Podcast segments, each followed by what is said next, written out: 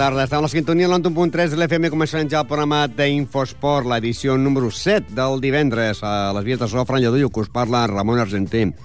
I com sempre fem un repàs doncs, el que va ser la setmana passada, el dissabte passat i diumenge, que hi ha la competició, el que pot passar aquesta setmana, i també doncs, recordarem les paraules de Jordi Muñoz, entrenador del Club de Futbol Ripollet, Javi Varela, de la Penya Deportiva Pajaril, Antonio Linares, de l'Esdila, eh, Manolo Suna, el delegat del Futbol Sala Ripollet, Parlant de futbol sala Ripollet, doncs, l'ex-president eh, del futbol sala Ripollet, eh, senyor Lorente, Carlos Lorente, aquest cap de setmana estarà a Ripollet. Ja sabeu que va deixar el Ripollet, va anar fora i torna aquest cap de setmana. I també tindrem doncs, protagonistes de l'equip infantil, del, de, o sigui, l'equip Benjamí del futbol del Club de Futbol Ripollet.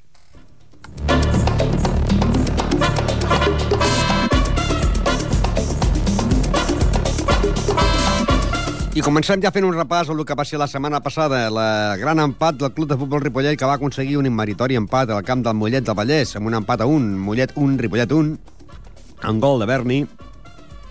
Que el líder segueix sent l'Aigua Freda amb 21 punts, seguit de l'Olot amb 16, el Ripollet ja és tercer amb 16 punts, Mollet 14, Granollers i Tona 13, Palafrugell 11, Premià del 11, Vic i Farners i Sant Feliu 10, Manresa, proper rival del Ripollet en 18, Vilassar del 7 i en zona d'ascens directe el Hilari amb 6 punts, el Palau en 5, el Lloret en 2, el Saranyol amb 2 i el Canovelles amb un punt. Aquest cap de setmana es disputarà la jornada número 8. Els, els enfrontaments serien Palau-Mollet, Premià, Palafrugell, Vilassar, Sant Hilari, Tona, Sant Feliu, Olot, Vic, Granollers, Aigua Freda, Lloreda, Farners, Serranyola, Canovelles i Ripollet, Manresa. Anem a recordar les paraules del seu entrenador Jordi Muñoz, que el, amb el micro, parlava amb el nostre company Miguel Molina i li deia doncs, que el partit que van jugar eh, aquí al camp del Mollet va ser un partit doncs, molt difícil. Es muy difícil en todos los aspectos, mmm, todos, en todos. Pero bueno, bien, hemos hecho un gran partido, pienso yo, y lo injusto hubiera sido perder. ¿Crees que ha sido justo el resultado? Bueno, visto lo visto, quizás si hubiéramos ganado por la mínima hubiera sido más justo, pero bueno, eh, pienso que aquí tampoco va a puntuar casi nadie, tal como esté en este equipo, y tengo que felicitar a mis jugadores porque pienso que ha sido un gran partido. Lo que sé que ha faltado, a diferencia de otros partidos, ha sido claridad en ataque, ¿no? Bueno, también ha faltado un poquito de claridad porque tampoco hemos jugado contra un contrario como este, ¿no? Que si vas mirando los nombres y los jugadores, eh, tiene un equipo para tener en cuenta. Entonces, claro, también juegas un poquito más en defensa, porque claro, si no, lo que no podemos es ir a, a, a, con alegría a todos los sitios, si no vamos, si no vamos a ser los tontos de, de la liga. Desde el partido, tú ya sabías que iba a marcar Berni. ¿Cómo es eso? Yo, mira, hay jugadores que bueno, que tienen esa gracia, que, les, que tienen equipos pues que les marcan, ¿no? Eh, si os acordáis de todo, marcaba siempre con no sé quién, siempre marcaba, y en cambio con otros no marca. Pero yo sabía que hoy marcaría Berni, y si Aguilar hubiera estado un poquito mejor y, y jugado un ratito más, también hubiera marcado, porque en todos los equipos que lo he tenido, en todos los equipos me ha marcado el Mollet. Y la semana que viene contra Manresa, ¿qué esperas? ¿Qué espero? Pues en casa no se pueden perder puntos para no perder la, la comba que estamos ahí arriba. Es un equipo difícil, ¿no? Pese que acaba de descender y va, no va muy bien. Bueno, hay que respetarle. Sí, sí, sí, sí. Aunque, aunque no vaya muy bien, son equipos que, claro, al, se les van al bajar de categoría, se les van jugadores, luego van de ocupar jugadores, pero han hecho un, un, un buen equipo y además tienen un buen entrenador. Y en cuanto a las bajas, ¿hay algún recuperado ya para la semana que viene? Pues de momento no hay nadie. Empezarán a, a trotar. Eh, hoy ha venido Mayo a ver si podía, pero uh, le molestaba un poquito aún y prefiero que esté al 100%. A ver si para el, el domingo está. Y si no, pues bueno, los que van saliendo pues lo están, para eso están en el equipo, para trabajar y, y darnos las alegrías que nos han dado. Futbol, futbol. Les paraules de Jordi Muñoz a l'acabar el partit al camp de Mollet la setmana passada amb el nostre company Miguel, Miguel Molina.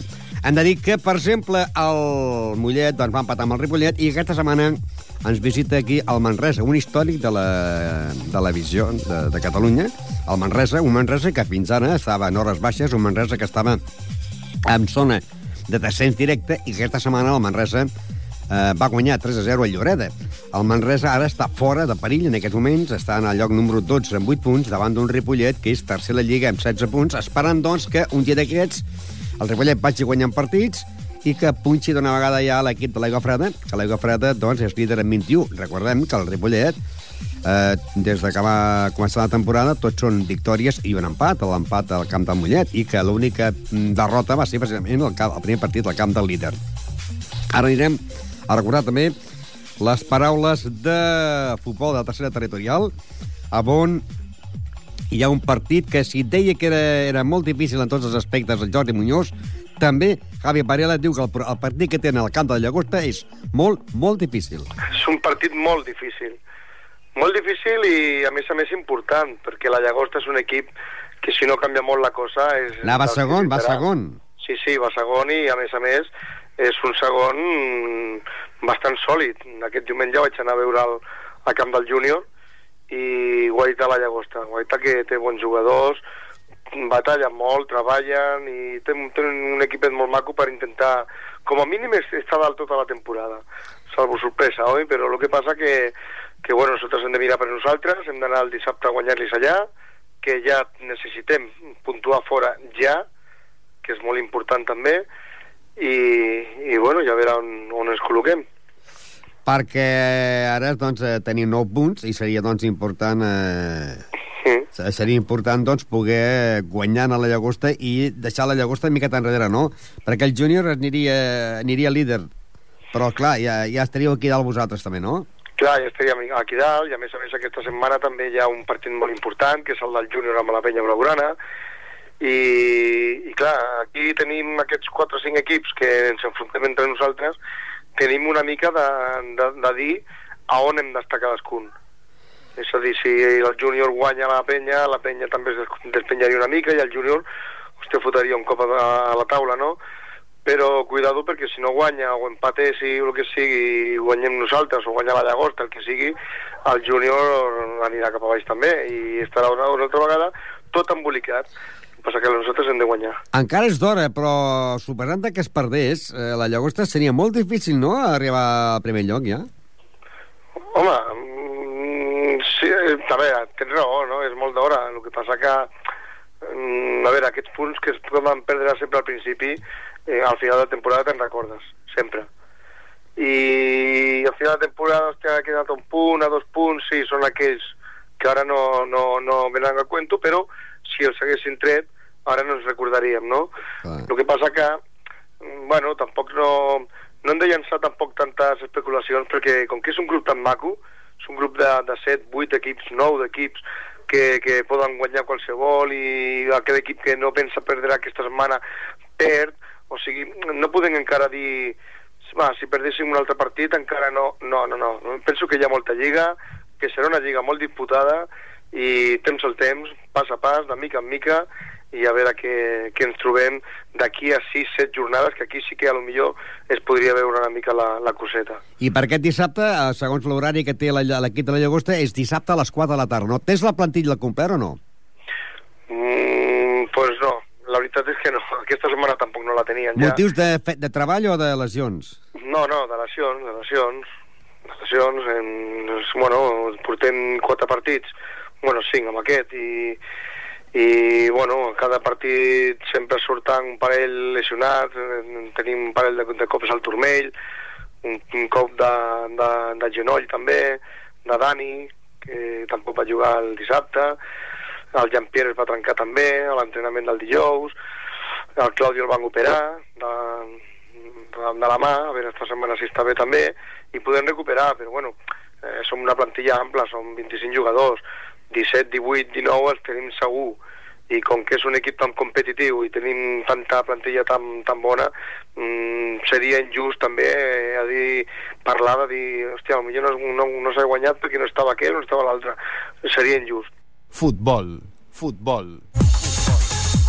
Doncs bé, la setmana passada el Mirasol guanyava l'Esdila 3-1, la Penya Portiva Pajaril guanyava el Sant Cugat 4-0 i el partit entre el Mollet i el Adefut es, su suspenia el partit, no se jugava. I és perquè aquest equip de Mollet no juguen a Mollet, juguen a un altre poble, i resulta que els van pagar el lloguer al camp. I, és clar van dir que no volien pagar, no volien pagar, i aquest partit no es va jugar. No sabem si aquesta setmana, que tornen a jugar a casa contra l'equip de les Parques, jugaran o no jugaran. Jo, doncs, mm, he pensat que d'aquí un parell de jornades aquest equip es retirarà, es retirarà de la competició. És un equip que ja va entrar de tranquis, perquè al principi el grup número 15 era de, de 15 equips, hi havia jornada de la zona de descans, llavors a l'última hora van afegir l'equip del Mollet City, i en el calendari es va rectificar i tots aquells equips que descansaven doncs, eh, els hi posaven que tenien que jugar contra l'equip del Mollet City, que de moment aquest partit contra el Deput no s'ha jugat. Eh, I ni se sap quan se jugarà. Aquest cap de setmana juguen el Sant Cugat contra el Barcino, la Penya Blaugrana Sant Cugat contra el Júnior, la Fundacions contra el Santa Perpètua, el Roureda contra el Nou Vallès, el Mollet contra la Farga, a l'Esdila juga el dissabte a les 4 contra el Diagonal, a la Deput contra el Mirasol i la Llagostra contra la Penya Deportiva Pajaril. En aquests moments, la classificació l'encapçala el Júnior amb 13 punts seguit de la Llagostra amb 10, el mateix és que la penya Albagrana, Sant Cugat, que té 10 punts, i el Mirasol, que en té 10. La penya Pajaril està en el lloc número 5 amb 9 punts, el mateix és que el Barcino, Diagonal en té 7, la Fundació en 7, Roureda 6, Esdila 6, eh, Santa Perpètua i Sant Cugat 4, Adefut 3, la Farga 3 i sense puntuar en 0 punts el Nou Vallès i el Mollet, tots dos amb 0 punts. Aquesta setmana, doncs, com deia, i s'heu sentit ja el seu entrenador Javi Varela, la penya Portia Pagarill jugarà a les 4 de la tarda del dissabte al camp de la Llagosta. Una Llagosta que és segon en 10 punts. A l'equip de l'Adefut, eh, doncs, jugarà eh, a casa contra el Mirasol. Un Mirasol que és quart a la Lliga en 10 punts, un Mirasol que la setmana passada va guanyar doncs, en el Esdila per 3 a 1. I l'equip de l'Esdila jugarà contra l'equip del Diagonal. Anem a recordar les paraules d'Antonio Linares, que és l'entrenador de l'equip de l'Esdila, que diu que en principi, esclar, en principi aquest equip de la Diagonal doncs tenia mal equip, no? Però que a última hora eh, doncs, eh, la cosa ha canviat i que la setmana passada va guanyar 7 a 0 al Raureda. Sí, eh, a ver, en principio tiene mal equipo, pero bueno, por eso digo que tan rara, porque a Roureda, que es un equipo fuerte, le metieron 7 esta semana. O sea, que es una cosa que no sé. Yo, a ver, yo, yo sigo confiando en que, bueno, que, que los míos irán para arriba, a ver si poco a poco eh, enderezo el equipo y, no sé, yo sigo confiando en ellos. Y esta semana, pues si no hay nada de otro mundo, jugaríais a las 4 de la tarde, Esdila Diagonal. Sí. ¿Dónde es ese equipo de Diagonal? Pues no sé de dónde, me parece que es de Barcelona, pero Barcelona. si quieres, si quieres la verdad no sé ni dónde es. Eh, creo, creo que es de Barcelona. Eh, es- ¿Son más peligrosos los equipos de Barcelona que los del Vallés? En cuestión de tocar la pelota, sí. Ahora, en cuestión de equipos peleones, el Vallés y Sabadell son mucho más, más, más, más peligrosos. Estas bajas... en- Sí. Barcelona son, en Barcelona son más tocones de, de balón y juegan mucho más a fútbol, pero también te dejan jugar un poquito más, claro. O sea que, Eh, has dicho que frente al Mirasol te tuviste cinco bajas. ¿Estas bajas las recuperas para ese partido en casa de este sábado? sí, sí, sí. Esta- estas cinco bajas las tengo que hablar el sábado. O sea, y son cinco bajas que realmente son titulares, o sea, que no es que fueran tíos que pueden estar en el banquillo, no, no son titulares, o sea que... Estáis ahí a mitad de la tabla con siete puntos, pero con un par de victorias también os metéis arriba. Eh, Eso es lo que yo confío esta semana, de ganar y volver a enchufarme un poquito, a ver si... a ver, y claro, que los chavales cojan otra vez un poquito de confianza y bueno, y intentar meterme por ahí arribilla, a ver si puedo. A ver, qué tal. a ver si los tres equipos de casa comandan la clasificación, ¿no? Entre la Peña, No. la Esdiela y la de Fut, ¿no? Eso sería bueno, ¿eh? Que dijeran, ostras, los tres del que juegan al mismo campo son los que van primeros. Sí, sí, sí, eso sería sería genial, tú. Lo que pasa es que, bueno, es muy difícil. Yo te digo que la, que la regional es muy difícil, ¿no? La veo muy... Pues Muy para rara. que pase eso hay que empezar ganando ese este sábado al equipo de- del Diagonal. Eso hay que hacer, eso es lo que yo quiero. Y esta semana trabajaremos fuerte, a ver si, a ver si podemos dar un- una alegría. A ver qué tal. El asunto de... ¿Sabes si el asunto de, de luz ya está arreglado, no? Porque eh, falta un poco de luz, ¿no? Si jugáis muy tarde. Sí, pero bueno, ahora se ve bastante bien. Lo que pasa es que la parte de los banquillos, bueno, como está la, la, copa, la copa de los árboles, pues bueno, pues tapa un poquito la luz. Pero bueno, ahora se, se puede jugar bastante bien. Lo que pasa es que no- no- vosotros no tenéis ese problema porque en casa jugáis los sábados a las 4 de la tarde, ¿no? Eh, sí, nosotros no tenemos problema. Como mucho la segunda parte, la última hora, como mucho. Pero El- no, no, no El, tenemos el ese que puede tener problemas es la Peña porque juega los sábados a las 6, que es más oscuro, ¿no? Sí, sí, porque la de fútbol parece que juega los domingos también a las 12, ¿no? Sí. Y sea además que- ahora eh, el equipo femenino que juega los domingos también se ha retirado de la de fut. Se ha retirado el equipo Se ha retirado femenino equipo femenino, sí. Vale, no lo sabía. Pero ya te digo que ahora se ve mucho mejor que antes. ¿eh? El campo está bastante mejor. Futbol. Futbol. Doncs bé, ja ho sabeu, el Ripollet jugarà el diumenge a la categoria preferent, diumenge a les 12 el Ripollet Manresa, mentre que els equips de la tercera territorial a l'Esdila jugarà contra l'equip del Diagonal. El Esdila, en aquests moments, doncs, hem de dir que ocupa la plaça número 10 de la competició amb 6 punts davant d'un Diagonal que ocupa la plaça número 7 amb 7 punts. A l'equip de la Llagosta, com dèiem, doncs, eh, jugarà contra la penya Portilla Pajaril. La Llagosta és eh, segona amb 10 punts, la penya és cinquè amb 9 punts, i el Adefut jugarà contra el Mirasol. L'Adefut ocupa la plaça número 13 amb 3 punts, amb un partit sol guanyat, i l'equip del Mirasol eh, aquest any doncs, està ben situat, és quart a la Lliga amb 10 punts. Futbol sala. Futbol sala. Bé, i la setmana passada, eh, doncs, eh, cada any es veu que el futbol sala Ripollet, l'equip de Lliga Nacional, fa un partit desastrós. I es veu que el partit desastrós aquesta temporada li va tocar la setmana passada, no? Perquè va perdre amb el Bar Micasa, que són de Sant Vicenç dels Horts, jo no sé què van prendre. Jo no sé si quan sortien eh, el massatgista els hi donava aigua de l'aixeta, aquella aigua milagrosa, o es fotien algun cubata, perquè Ripollet 2, Bar Micasa 12. A l'acabar el partit parlàvem amb un desmoralitzat eh, Manolo Suna, que és el delegat que estava castigat i estava a les grades, i va dir que la cosa ho havia vist fatal. Fatal. Hoy la verdad que un partido para mí malísimo, el peor que llevamos en toda la temporada. ¿Por qué estás en las gradas? ¿Por estar sancionado o no? Sí, por un par de partidos, ya lo hemos cumplido hoy. ¿Y qué se sufre más, en el banquillo o en la grada? No, es lo mismo, porque no se puede hacer nada, ni en un lado ni en otro. Los que juegan son los jugadores.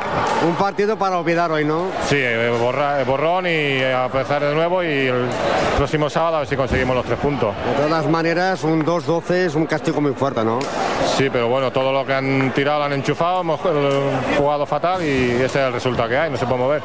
La semana que viene otra vez en casa contra el Corbera. Sí, otro partido en teoría muchísimo más complicado que este, a ver cómo salimos a jugar. El año pasado con los de abajo se perdía, con los de arriba se ganaba.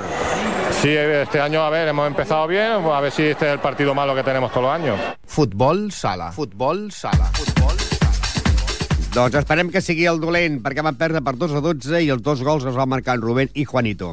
Líder, Barcelona, amb 18 punts, seguit de Vilassar de Mar amb 16, Hospitalet 16, Corbera 13, Ripollet, lloc número 5, amb 10 punts, els mateixos que el Brises Esport i que el Barmi Casa. El Cacerres, 8 punts, la Unió, 7. Amb 6 punts, l'Escola Pia Sabadell i el Premià de Mar. Amb 5, Esplugues. Amb 5 punts, també el Canet de Mar.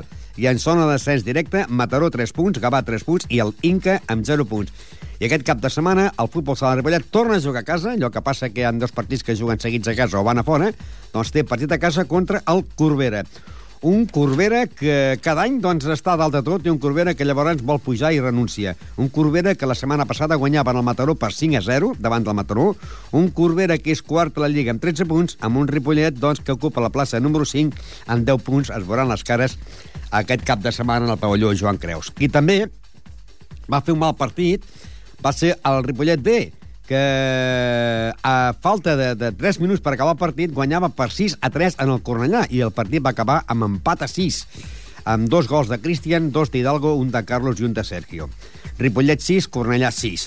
Líder, el Sant Feliu, que té 10 punts, seguit del Cornellà, Alella, Cervelló i Castellà amb 7 punts. Plat Llobregat, Sporting al Prat de Llobregat, Sant Just i, Ripoll... i a Sant Just amb 8 punts, o sigui, amb 6 punts, perdó. El Ripollet és novè amb 4 punts. El Gornal, el Sant Coler, el Castelldefels amb 3, amb un punt. El Llagostense, el Sant Perpètua i les Plugues amb un punt. I tanca l'equip del Xarxa, en el lloc número 16, amb 0 punts. Aquest cap de setmana, el partit del Ripollet jugarà al camp del Llagostense. El Llagostense en aquests moments, doncs, eh, ocupa eh, la plaça número 13 amb un punt. El partit començarà a dos quarts de dotze, Llagostense, Ripollet B, a la categoria preferent del món del futbol sala. Seguim amb més futbol sala perquè l'equip del Can Clos, l'equip B de la primera divisió femenina, va guanyar 1 a 2 al camp o a la pista del Provençalenc. Provençalenc 1, Can Clos B 2, amb gols de Mireia i un de Begoña. Líder, l'Hospitalet, amb 6 punts, seguit la Can Clos B amb 4, amb 3 punts el Sant Just, la Penya Esplugues, el Centelles i el Tallà. I amb 0 punts, estem parlant que estem a la segona jornada, Palau, Arenys de Munt, Cervera, Martorelles, Sant Pedor, Provençalenc, Penya, Blanc i Blava, Sant Andreu i el Panteres Grogues, tots amb 0 punts. I aquesta setmana el partit entre el Can Clos B eh, començarà a les 4 de la tarda en el pavelló Joan Creus i s'enfrontarà el Can Clos B i la penya blanc i blava de Sant Andreu. Una penya blanc i blava Sant Andreu que va perdre a la pista de les Plugues per 4-1 i que eh, ocupa la plaça número 13 amb 0 punts davant d'un Can Clos que és segon amb 4 punts. Estem parlant que és la segona jornada del món del futbol sala femení. I parlant de futbol sala femení, hem de dir que el dia 8 de novembre començarà la divisió de plata, grup segon, on està l'equip de Can Clos. Els primers partits serien Safranar Torrent de València contra el Vinaròs, els Ponis contra el Rubí, el Masnou contra el Manlleu, el Vallirana contra la Penya Andorra i la Unió Deportiva Pla Plànega, que és de Canàries, jugaria contra el Can Clos. Això seria la primera jornada de la Lliga de la Divisió de Plata de Futbol Sala Femení, grup segon, que començarà el dia 8 de novembre.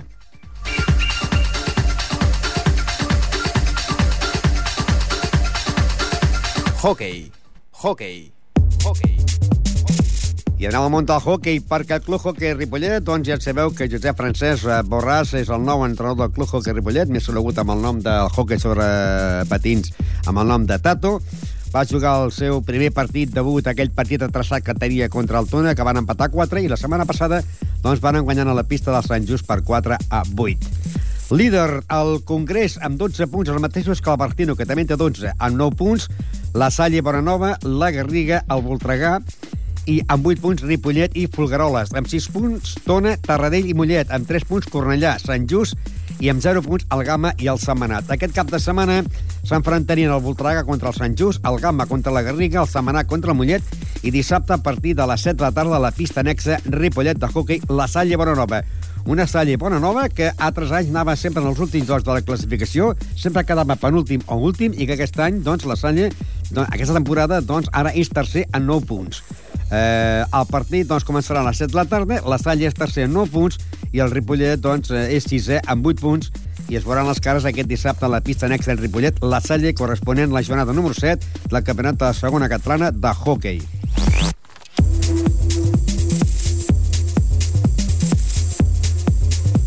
Handbol. Handbol. I anem al món del futbol, eh, sigui, després del futbol sala anem al món del handball. Dic que el handball la setmana passada el Ripollet en el seu primer partit de, de la temporada a camp contrari, perquè era el segon ja, però de primer desplaçament, va jugar a la pista del Pau Casals de Sabadell i va perdre per 30 a 17. Eh, la resta de jornada van tenir jornada de descans al Gavà i a la Salle Bonanova. Són 10 equips, però cada setmana descansen dos equips. El líder és el Sant Andreu de la Barca, que té dos punts, els mateixos que el Rubí, la Salle Bonanova, la Salle Moncada, el Pau Casals, el Molins de Rei i el Safa, tots amb dos punts, el Gavà Aula i el Ripollet, tots amb 0 punts. Aquest cap de setmana, doncs, el Ripollet té jornada de descans i la resta s'enfrontarien a l'Aula contra el Pau Casals, el Gavà contra el Moncada, el Molins de Rei contra la Salle Bonanova i descansarien Rubí i Ripollet. I l'últim partit seria el Safa de, i l'equip del Sant Andreu de la Marca, corresponent a la tercera catalana del món del handball. Recordar també que el, el Ripollet d'infantils van guanyant a la pista del Tortosa per 24 a 26. Tenis taula. Tenis taula. Tenis taula.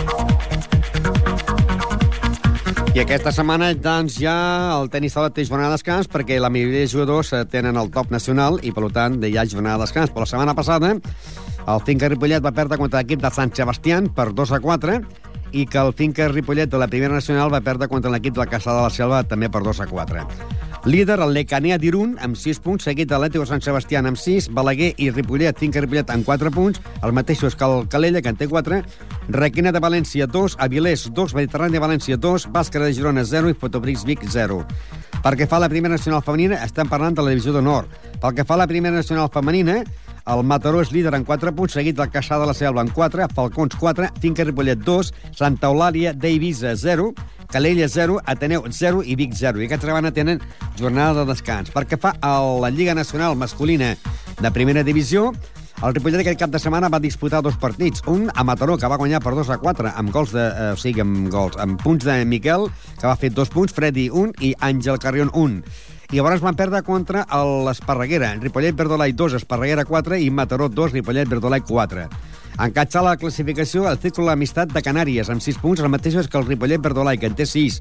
L'Esparreguera, 4. Vilafranca, la Penedès, 4. El Falcón de Sabadell, 4. L'Hospitalet, 2. Mataró, 2. Los Llanos de Canàries, 2. Els Amics de Terrassa, 0. I el Defensa de l'Eix de la Palma, també amb 0 punts. I aquesta setmana tenen jornada de descans. I finalment, pel que fa a la segona divisió nacional, el Ripollet doncs, va perdre contra l'equip del bàsquet de Girona per 2 a 4. Els dos punts els va fer Enric i Lluís. Líder Vilafranca del Penedès amb 6 punts, seguit del Bàsquet de Girona amb 4, Olot 4, Sant Andreu 4, Ciutadella de Maó amb 4, Torroella de Montgrí 2, el Tiero de Sabadell 2, Bagà 2, Ripollet 0 i Club Natació Sabadell 0 punts. Aquesta setmana tota la Lliga Nacional té jornada de descans. Bàsquet. Bàsquet. Bàsquet. I anem al món del bàsquet, el Club Bàsquet Ripollet, que la setmana passada doncs, guanyava a la pròrroga. Es va arribar a la pròrroga amb un empat a 76 i finalment el Club Bàsquet Ripollet es va imposar per 93 a 80 al Blanes. Líder de la competició, Sant Josep de Girona, que en té 12, i en 10 punts tenim, doncs, 6, 6 7 equips. Barberà, Grup Osorio de Badalona, Sant Josep de Badalona, Sant Adrià, Ripollet i Montgat, tots empatats a 10 punts. O sigui, a dos punts del líder està el Ripollet, que ocupa la plaça número 6. A l'Igualada, el Figueres i el Santa Coloma de Gramenet i el Salt de Girona amb 9 punts. Amb 8 punts a l'Argentona i també el Ninguella de Badalona. Amb 7 punts el Blanes. I amb zona d'ascens directe el Pinet amb 6 i el Sanateu de Nazaret de Badalona amb 5 punts. I aquest cap de setmana el Club Bàsquet Ripollet jugaria contra Sant Josep de Badalona. El partit doncs, serà pel diumenge dia 1 de novembre a partir de les 7 de la tarda Sant Josep de Badalona, Ripollet. Club Bàsquet Ripollet, eh, Copa Catalunya. El Sant Josep de Badalona va guanyar la setmana passada el Sant Andreu de Nazaret, també de Badalona, per 86 a 42. El Ripollet ho feia per 93 a 80. El Ripollet és vuitè a la Lliga en 10 punts i el Sant Josep de Badalona és quart en 10 punts. Perquè fa a la segona Copa Catalunya de tercera categoria, el Club Bàsquet Ripollet està en zona d'ascens directe. Va perdre la setmana passada davant del Sant Pedor per 43 a 50. El líder és el Navàs, que té 11 punts empatats amb el Balsareny, que també en té 11, i 5 equips en 10 punts. El Balsareny, la Berga, Gramenet i Montigalà Badalona. En 9 punts, Artés eh, també està el Paret, també està el Sant Pedor, amb 8 punts el Santa Coloma de Gramenet i el Terrassa, l'Esfèric de Terrassa, amb 7 punts el Sant Manat, el Sallent i el Montigalà Badalona. I amb zona de descens directe, amb 6 punts, el Ripollet B i el Castellà del Vallès. I és curiós, per aquest cap de setmana, doncs el Ripollet que va perdre amb el Sant Pedor per 43 a 50 jugarà a la pista del Castellà del Vallès. Un Castellà del Vallès que també va perdre a casa seva davant del el Parets per 43 a 61. Aquest cap de setmana s'enfrontaran eh, Castellà del Vallès, Ripollet B. Eh, serà el diumenge a les 7 de la tarda. El Ripollet D és eh, zona de descens directe, lloc número 15 amb 6 punts, i el Castellà, lloc número 16, també amb 6 punts. Pel que fa a la tercera territorial, doncs, com que l'equip del Gasó Caixa Girona va tenir jornada de descans, doncs ha, ha passat d'ocupar la tercera plaça a la, a, a, ara està en el lloc número 7, després de que la Vell Gasó guanyés en el Martorelles per 66 a 30. El Gasó, la Caixa Girona, va descansar i és setè. Líder, la Vell Gasó de Ripollet, en 10 punts, seguit d'Alcaldes de Montbui, també en 10 punts. Amb 8 punts tenim Badalona, el Vira La Salle, de Montcada, el Badalonès i el Regina Carmeli. Amb 7 punts, Gasó, Caixa Girona i la Montigalà Badalona. Amb 6 punts, Santa Perpètua, eh, Can Sant Joan, Montmeló i Santa Perpètua B. El Ronçant en té 5, el Setmanat 4 i a l'últim lloc, eh, el grup és impar, el Martorelles amb 3 punts. Aquest cap de setmana el Gasó Caixa Girona jugarà contra el Regina Carmeli, un Regina Carmeli que la setmana passada guanyava d'un punt el Santa Perpètua A per 66 a 65 i el Vell Gasó, que és líder de la competició, jugarà eh, el dissabte a dos quarts de cinc de tarda a la pista del Setmanat. El Setmanat, l'equip B, que la setmana passada perdia la pista del Badalona per 53 a 36. Hem de dir que el Gasó és líder amb 10 punts, l'equip del Setmanat, que serà el rival del Gasó, la Vell Gasó, ocupa la plaça número 14 amb 4 punts, mentre que el Regina Carmeli, que serà el rival del Gasó Caixa Girona, és sisè a la Lliga amb 8 punts i el, i el Gasó Ripollet Caixa Girona és eh, setè amb 7 punts.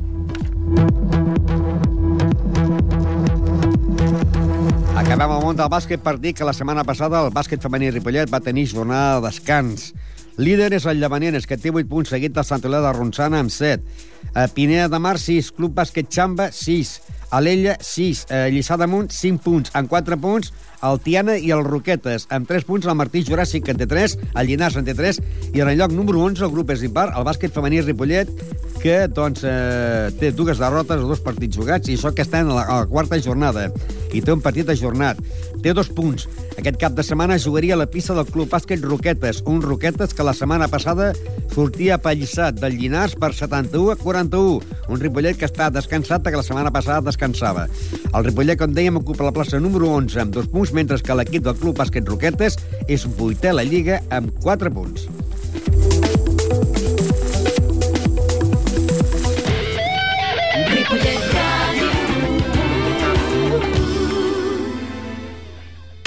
Sonido desde los 80 tiene un sitio cada lunes en la 91.3 de la FM. Desde las 6 a las 7 de la tarde viajaremos en el tiempo. Los éxitos más importantes en el gramófono. ¿Te apuntas? Los lunes de 6 a 7 de la tarde. Soy Paco Soriano.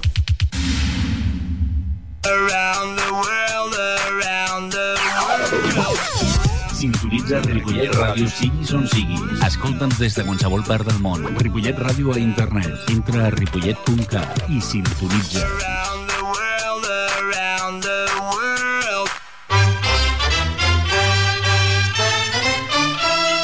Tenores, flaviols, tamborins, tibles, fiscorns... Les cobles d'arreu de Catalunya tenen cabuda a Ripollet Sardanista, un espai exclusiu per la nostra música amb repàs dels principals aplecs de la setmana. Ripollet Sardanista, els divendres de 8 a 9 del vespre, perquè la ràdio també sona la tenora.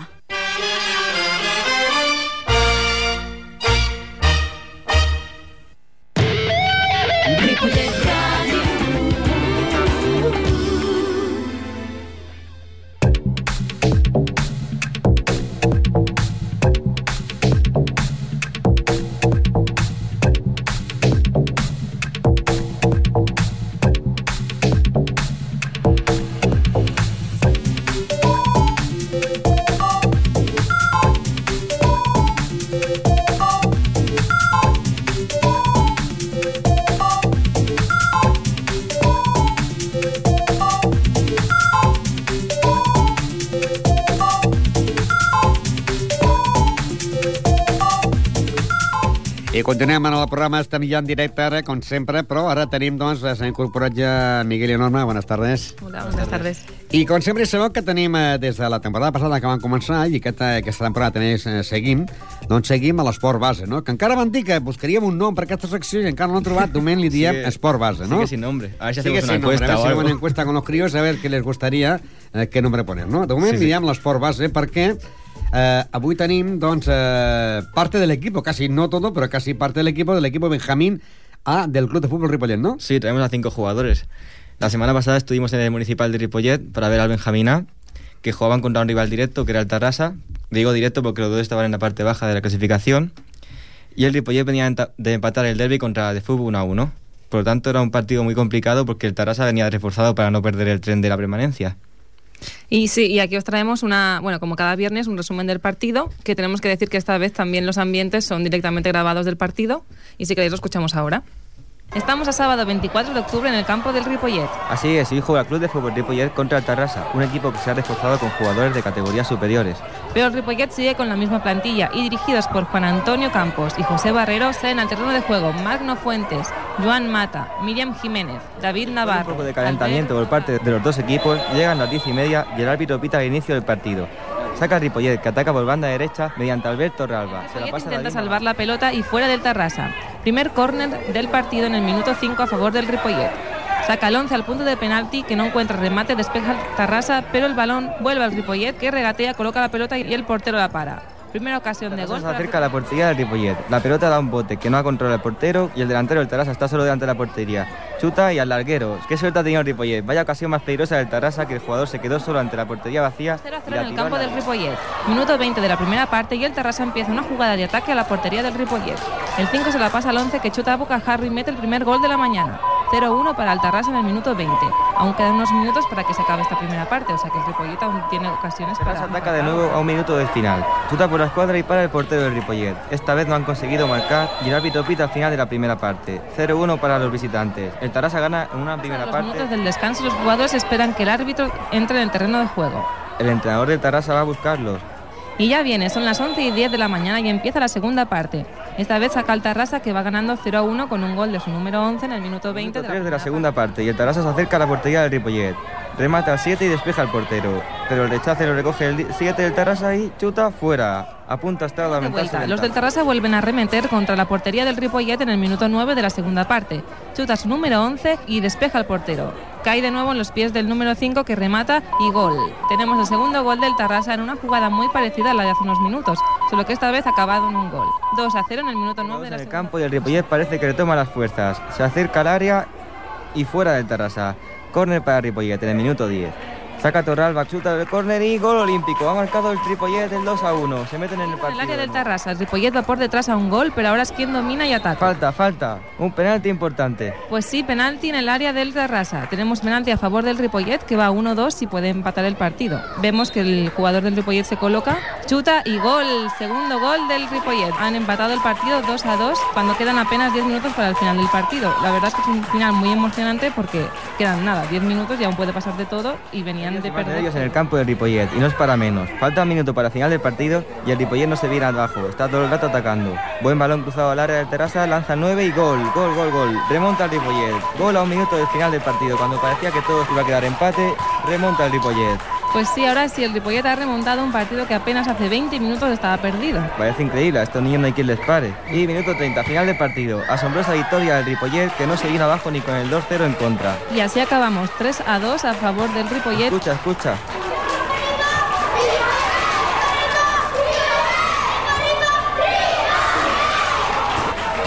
Vemos una felicidad absoluta en un Ripollet que ha tenido un partido muy difícil que al final ha podido reponerse. Y no es para menos esta alegría que tienen. Bueno, del 0 a 2 al 3 2, ¿no? Sí, es complicado remontar encima contra el Tarrasa que venía muy reforzado. Eh, una categoría en la que los equipos son muy, muy parejos, ¿no?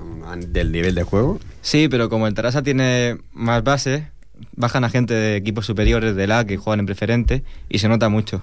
Así que el trabajo del El Ripollet que fue está mal del Tarrasa delante del Tarrasa es la- el primer equipo porque este, esta semana se ve que han plegado todos. Los, el directivo, el presidente, según ponía la prensa del Sport, de que el presidente del Tarrasa ha abandonado y la junta directiva también. Esperemos que eso no perjudique a, la- a los críos del Tarrasa. a- No creo, la base, No, no creo. Y ahora traemos al entrenador, a José Antonio. Vamos a ver lo que decía del partido. Bueno, al principio lo he visto un poco difícil porque en vista de que ellos han, han puesto en el A tres equipos, tres niños de su equipo A de preferente. Se han reforzado entonces. Se han reforzado con tres niños del A y bueno, al principio estaba la cosa difícil, lo que pasa es que hemos aguantado bastante bien la primera parte. Hemos aguantado el 0-1 bastante bien la primera parte. La segunda parte ellos han seguido con los tres del A. Yo he hecho mis cambios y aquí se pueden hacer tres cambios.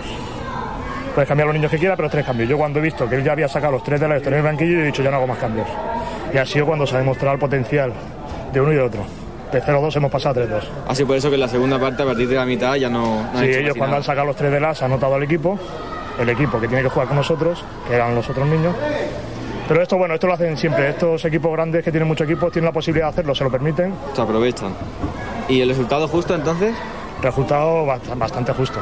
O sea, merecíamos la segunda parte, la primera parte, con los refuerzos que ellos tenían, hemos aguantado bien y la segunda parte hemos sido superiores. ¿Y qué ha pasado con el primer gol? Con el primer gol, bueno, ha sido una falta que yo le he hecho que la tire porque siempre adelanta un defensa para tirar la falta. ¿Qué pasa? Que la ha pasado hacia atrás, en vez de tirarla, la ha pasado al centro del área. Nos han robado el balón y han pillado en contraataque en superioridad. Entonces ya se lo he dicho, que cuando sube un defensa tiene una falta, siempre portería o pase claro. Si no hay pase claro, que no. Y les cuesta pasarle hacia atrás, ¿no? Para asegurar el pase. Bastante. En los entrenos lo hacemos bastante, pero cuando llega la hora del partido Les cuesta. buscan el gol, buscan el gol y les cuesta pasarla. ¿Y el segundo gol qué crees que ha sido? ¿Un error de, un error de portero? o- No, no, el portero no ha cometido ningún error. No, errores de- no ha habido de nadie. ¿Qué hay que mejorar en el equipo? Pues eso, jugar todo el campo, jugar atrás, pensar un poco más, ralentizar el balón, parar un poco más el balón, que eso poco a poco se va haciendo el entrenador, pero conseguirlo en la segunda vuelta. ¿Crees que han habido apoyos? Porque yo he visto... Ha, ha habido, o sea, uno de los, de los ejercicios que hacemos durante todas las semanas son los apoyos. Yo siempre digo tres apoyos, uno adelante, uno en diagonal o lateral y otro atrás. Y no se ha cumplido. No se ha cumplido en principio porque ellos han visto niños más grandes, yo se lo digo, no son más grandes, son de vuestra edad, o sea, son iguales. Pero un- a esta edad normalmente cuando ven niños que son más altos, aunque tengan la misma edad, siempre impresiona un poco. ¿Y qué buscan? Balón adelante para no arriesgar y no buscan los apoyos. Y la plantilla es muy corta, ¿no? Tienes solo a nueve Bueno, aquí jugadores. faltaba, faltaban dos y bueno, y siempre buscamos refuerzos del B. Hay niños en el B que están en, en el B eh, porque para unificar plantilla, es decir, tantos niños en una, tantos niños en otra, tantos niños en otra. Pero del B yo hay tres o cuatro jugadores con los que voy a ir contando durante la temporada y ellos lo saben. ¿Y en el descanso qué les has dicho para que cambien? En el caso le he dicho que igual que ellos corren detrás del balón, igual que ellos pasan el balón, nosotros sabemos hacer igual. Le he dicho que hay que correr detrás del balón, como ellos, ellos nos quitaban el balón y nosotros no corríamos. Y después ellos iban a todos los balones y nosotros nos giramos. Y he dicho que en fútbol no se gira nadie, no pasa nada, es un balón. Y bueno, y se ve que no han escuchado bien y ya salió bien. Ha funcionado. ¿Y el próximo partido contra el Castellar, que va tercero, qué esperáis hacer? Yo, bueno, yo este equipo Contra el Mercantil aquí empatamos 2 a 2 y merecimos ganar. Y me parece que va al cuarto el Mercantil. O sea, con el Castellar esperamos ganar. O sea, que os veis con fuerzas Yo para veo ganar. al equipo con fuerza para ganar. Una vez que se asienten y ellos crean que pueden ganar, si ellos creen que pueden ganar, ganan. Pese a todo ha costado mucho la primera victoria, ¿no? Esta temporada. Bueno, ha costado jornadas. mucho porque es un equipo nuevo, totalmente nuevo. De este equipo el año pasado habían 10 y 7 se han ido. Entonces es un equipo totalmente nuevo y llevan tres partidos juntos, cuatro partidos juntos. Y confías en mantener la categoría. Sí, sí, yo, yo confío en ellos. Y si confío en ellos, ellos mantienen la categoría. Bueno, pues estas las palabras de Juan Antonio, el entrenador del Ripollet, ¿no? Del equipo Benjamín, equipo A. Sí, estaba muy contento y además hemos visto a los niños por detrás que se escuchaban gritar. Ahora traemos a otro protagonista. Sí, tenemos a, bueno, después de escuchar al, al entrenador, tenemos a Marc Nofuentes, que es el número 7 del, del equipo y que juega de, ext- de extremo. Y esto no, uf, estoy me estoy liando hoy mucho. Sí. Y así nos cuenta Estas cómo, las cosas del directo. sí, los nervios eran. Y así nos cuenta cómo vio el partido. Pues bien, lo hemos visto al principio un poco nerviosos porque íbamos perdiendo, pero luego ya hemos ido mejorando y al final hemos ganado. Cuando habéis visto que han, han reforzado el equipo con gente de preferente, ¿os habéis asustado? un poquito, sí, porque teníamos un poco de miedo, porque como son un poco más grandes, a ver si nos iban a meter una paliza. Y al final habéis visto que podíais, ¿no? Sí, ¿Qué os ha dicho el entrenador respecto a esto? Pues se ha puesto muy contento, nos ha dicho que muy bien y nos han dado chuches de regalo y ya está. Ah, que tenéis premio cuando ganáis. Sí, sí, Y cuando perdéis, ¿qué, qué os dan? nada.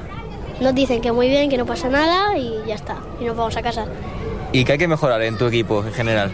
Pues no sé. mm, los chutes, tirar a puerta, no tener miedo al balón, chutar con más fuerza y no sé. ¿Los apoyos cómo los has visto hoy? Bueno, bien, sí. ¿No que ha faltado arriba sobre todo? Sí, arriba sí han faltado muchos apoyos. Teníamos que subir más, chutar más a puerta, probar y no, bueno, ha salido bien, pero teníamos que haber chutado más. Tenemos que mirar también más, porque chutam- pasamos a, no sé, a la nada. En ti, ¿qué tienes que mejorar? Pues tengo que mejorar, correr más, no ponerme nervioso, los pases también un poco y los chutes. ¿De qué juegas tú? Yo de, de extremo, ¿Y en qué consiste eso? en que te la pasen a las bandas, pasarla tú también. Eh, cuando ves la banda sola, ir corriendo y tirar para arriba. Y si, si ves que hay alguien en, la, en el área solo, pues la centras y a ver si hay suerte. ¿Qué prefieres, dar un pase de gol o marcar el gol? Marcar el gol. En el último partido contra Foot, eh, ¿qué pasó allá arriba?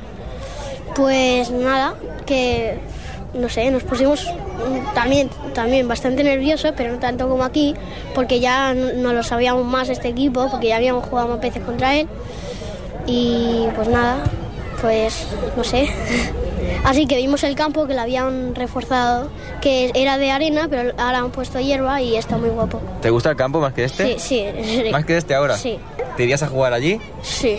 ¿Sí? Bueno, mi madre no me deja porque dice que la actitud allí no le gusta mucho. Y como te escuche el presidente del Ripollet, ¿qué pasa? Nada. El próximo partido contra el tercero, ¿qué creéis que va a pasar?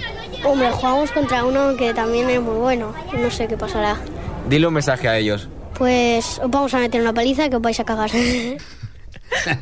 Ah, como se entere el presidente de la de Food. Sincero, sincero, Marno Fuentes dice que me ha hecho gracia que una cosa dice, eh, pasamos a la nada. Se hacían pases a nadie. Ah, sí, sí. Ah, Había sí. que mejorar los pases, porque pasamos a la nada, o sea, que pasaban la pelota a nadie, ¿no? Fallaron muchos pases.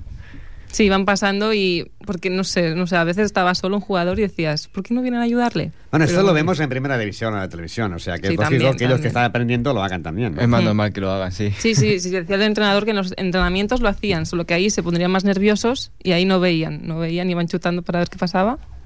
Pero bueno, bien, bien al final. Sí, no, les- pueden pedir, no pueden pedir nada más. Y tenemos más protagonistas. Ahora tenemos al portero, que bueno, hizo bastante bien y, y demostró estar con ganas para llegar, con ganas para llegar al primer equipo. Vamos a ver cómo, cómo vio el partido él.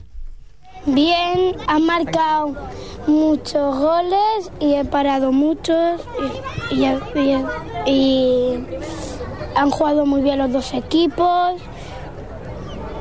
y uno de todos han marcado un gol de córner y ya está, ¿Qué te ha parecido el gol de córner? una pasada. ¿Qué te ha pasado cuando, cuando el balón te ha botado por encima y bueno, casi mete el gol? Pensaba que era gol, pero no la han metido, suerte. ¿Qué creéis que has hecho bien? Pues lo de parármelas, una que iba, fue, que iba adentro también. y no sé. Sí, muchos reflejos hemos visto que tienes, ¿eh? Hmm, ¿Te gusta ser portero a ti? Sí. Más que ser jugador. Bueno, sí, pero, pero me da lo mismo también.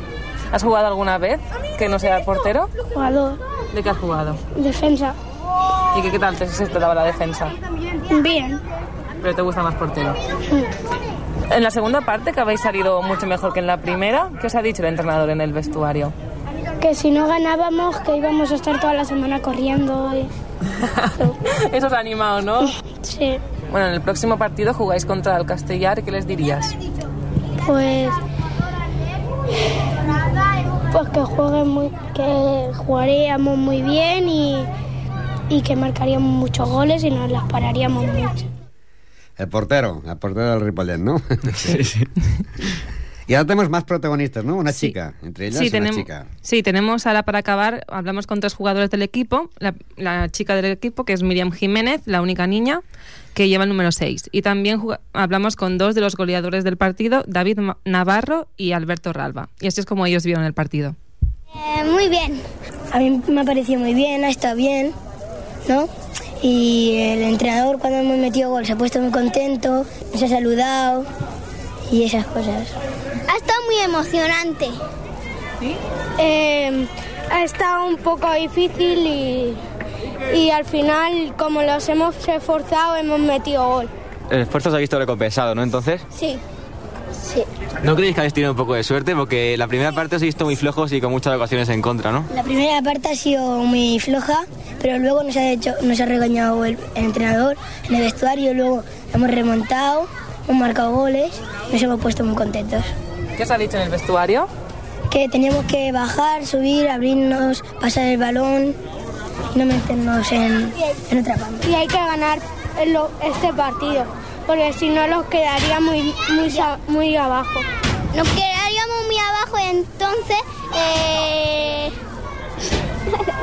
no sé. Ay, yo me lío. Sería más difícil subir, ¿no? Después. ¿Qué habéis visto bien? ¿Qué os falta? ¿Qué- Ganas. Nos faltaba correr en la primera parte. Sí. Y por eso nos arañó y ya hemos salido bien. Y hemos remontado. Sí, habéis remontado, bueno, dos goles, ¿eh? Muy bien. Tres. Tres. Tres, Tres, dos. Bueno, digo que ibais 0-2. Él ha metido uno de, olímpico. He metido yo uno de olímpico, de córner, y él ha metido uno de penalti y en el último minuto. Y para la gente que no es de fútbol, explica lo que es un gol olímpico. Eh, un gol olímpico es cuando tiras un córner y lo marcas. Lo marcas sin que toque el portero. Directamente. Sí. ¿Marcan muchos goles así? Bueno, es el primero. Es el primero. Yo, yo he metido como, como el gol olímpico, dos. Dos de gol olímpico. Y yo en esta liga metí cero. ¿Y el anterior? Eh, no jugaba aquí, pero uno. ¿Dónde jugabas? En el Sardañola. ¿Y por qué te pasaste al Ripollet? Eh, porque eh, este año el, el equipo que me tocaba era muy flojo y entonces me cambié aquí. ¿Que eres la única niña aquí? Sí. ¿Y qué tal es ser una niña en el Eh, equipo de niños? Bien. Nos llevamos bien todos. ¿Cómo se portan? ¿Se portan bien, no? Sí. ¿Cómo, se por- cómo os portáis con ella? Bien. ¿Os gusta que haya una niña? Bueno. ¿Cómo que bueno? Si es zurda, sí. Soy zurda. Bueno, ¿Sí? Sí. a mí sí. ¿Qué tiene de bueno ser zurdo? Que no tenemos ninguna zurda y, y era difícil. ¿Y qué les diríais al próximo rival, que es el Castellar, no? ¿El Castilla? Le diríamos que, que vamos a ganar. Que, lo- que, lo, que les vamos a meter un palizón. Que saldremos con ganas y ganaremos. Ah, pues hemos sentido ya a Juan Antonio, que es el entrenador, a Marno Fuentes, a Joan Mata, a, Mer- a Miriam Jiménez, David Navarro y Alberto Ralba. Y ahora tenemos resultados y clasificaciones, ¿no? Sí, vamos a repasarlos. Eh, Caldes de Montbui, de Montbui 0, Mercantil 1, Gisada Mun 0, Barbará 13, Poliñá 3, La Llagosta 6, Premià de Dalt 9, Adefub 1, Ripollet 3, Tarasa 2, Palau Plegamans 2, Castellar 1 y Paret 6, Martorelles 0. Ahora vamos a ver cómo va la clasificación. Las clas- Parets 15, Palau Plegamans 15, Barbará 12, Merca- Mercantil 10, Castellá 9, Marturellas 9, La Llagosta 9, Moncada con 7 puntos, Mollet con 7, Ripollet con 5 puntos, que ha subido 3 puestos después de este último partido. Premià de Mar, 4. Caldas de Montbui, 3. Lliçà d'Amunt, también con 3. Poliñá, 1. Adefub Ripollet, 1, que es el, el equipo de Ripollet también en, la- en esta clasificación. Y por último, el Tarrasa, con 0 puntos. Este año eh, hay casualidades, ¿no? En la tercera territorial está el Esdila, la de Fúria y la Peña Deportiva Pajaril. Eh, el Esdila no tiene equipo base, la Peña no tiene equipo base, pero sí la de Fútbol y está en el mismo grupo. Y supongo que en varias eh, categorías del deporte base habrán equipos del Ripollet y de la de Fútbol juntos, ¿no? Sí, como siempre están unidos por, por distancia, siempre, hay, siempre coinciden derbis. Y la próxima jornada, los equipos de Ripollet de esta categoría, tenemos que mañana juegan en Castellar contra Ripollet a las once y media en Castellar. Y la de Fútbol juega en casa también mañana contra el Poliñá a las diez y media. En ese partido va gente a ver a los críos, aparte de los padres. No, van los padres y amigos y poco más. Pues claro, lo, lo que decíamos el otro día, ¿no? Porque mientras a lo mejor eh, hay ese partido de fútbol, ¿a qué hora se jugó ese partido? A las, a las 12. 10 y, me- ¿Diez y media? El que fuimos a ver nosotros, Sí, a las 10 y media. Diez y- Del sábado. Sí. Sí. Claro, a estas horas quizás también hay otros deportes que juegan y claro, la gente se divide, ¿no? Claro, hay básquet, fútbol, fútbol sala. ¿Algo más sobre el Ripollet? No, pero si quieres pasamos a lo que vamos a hacer la semana que viene. Pues sí. Vamos a ir a ver al San Gabriel otra vez, a- pero esta vez al femenino, que es la primera vez que tocamos el Sí, deporte femenino. femenino.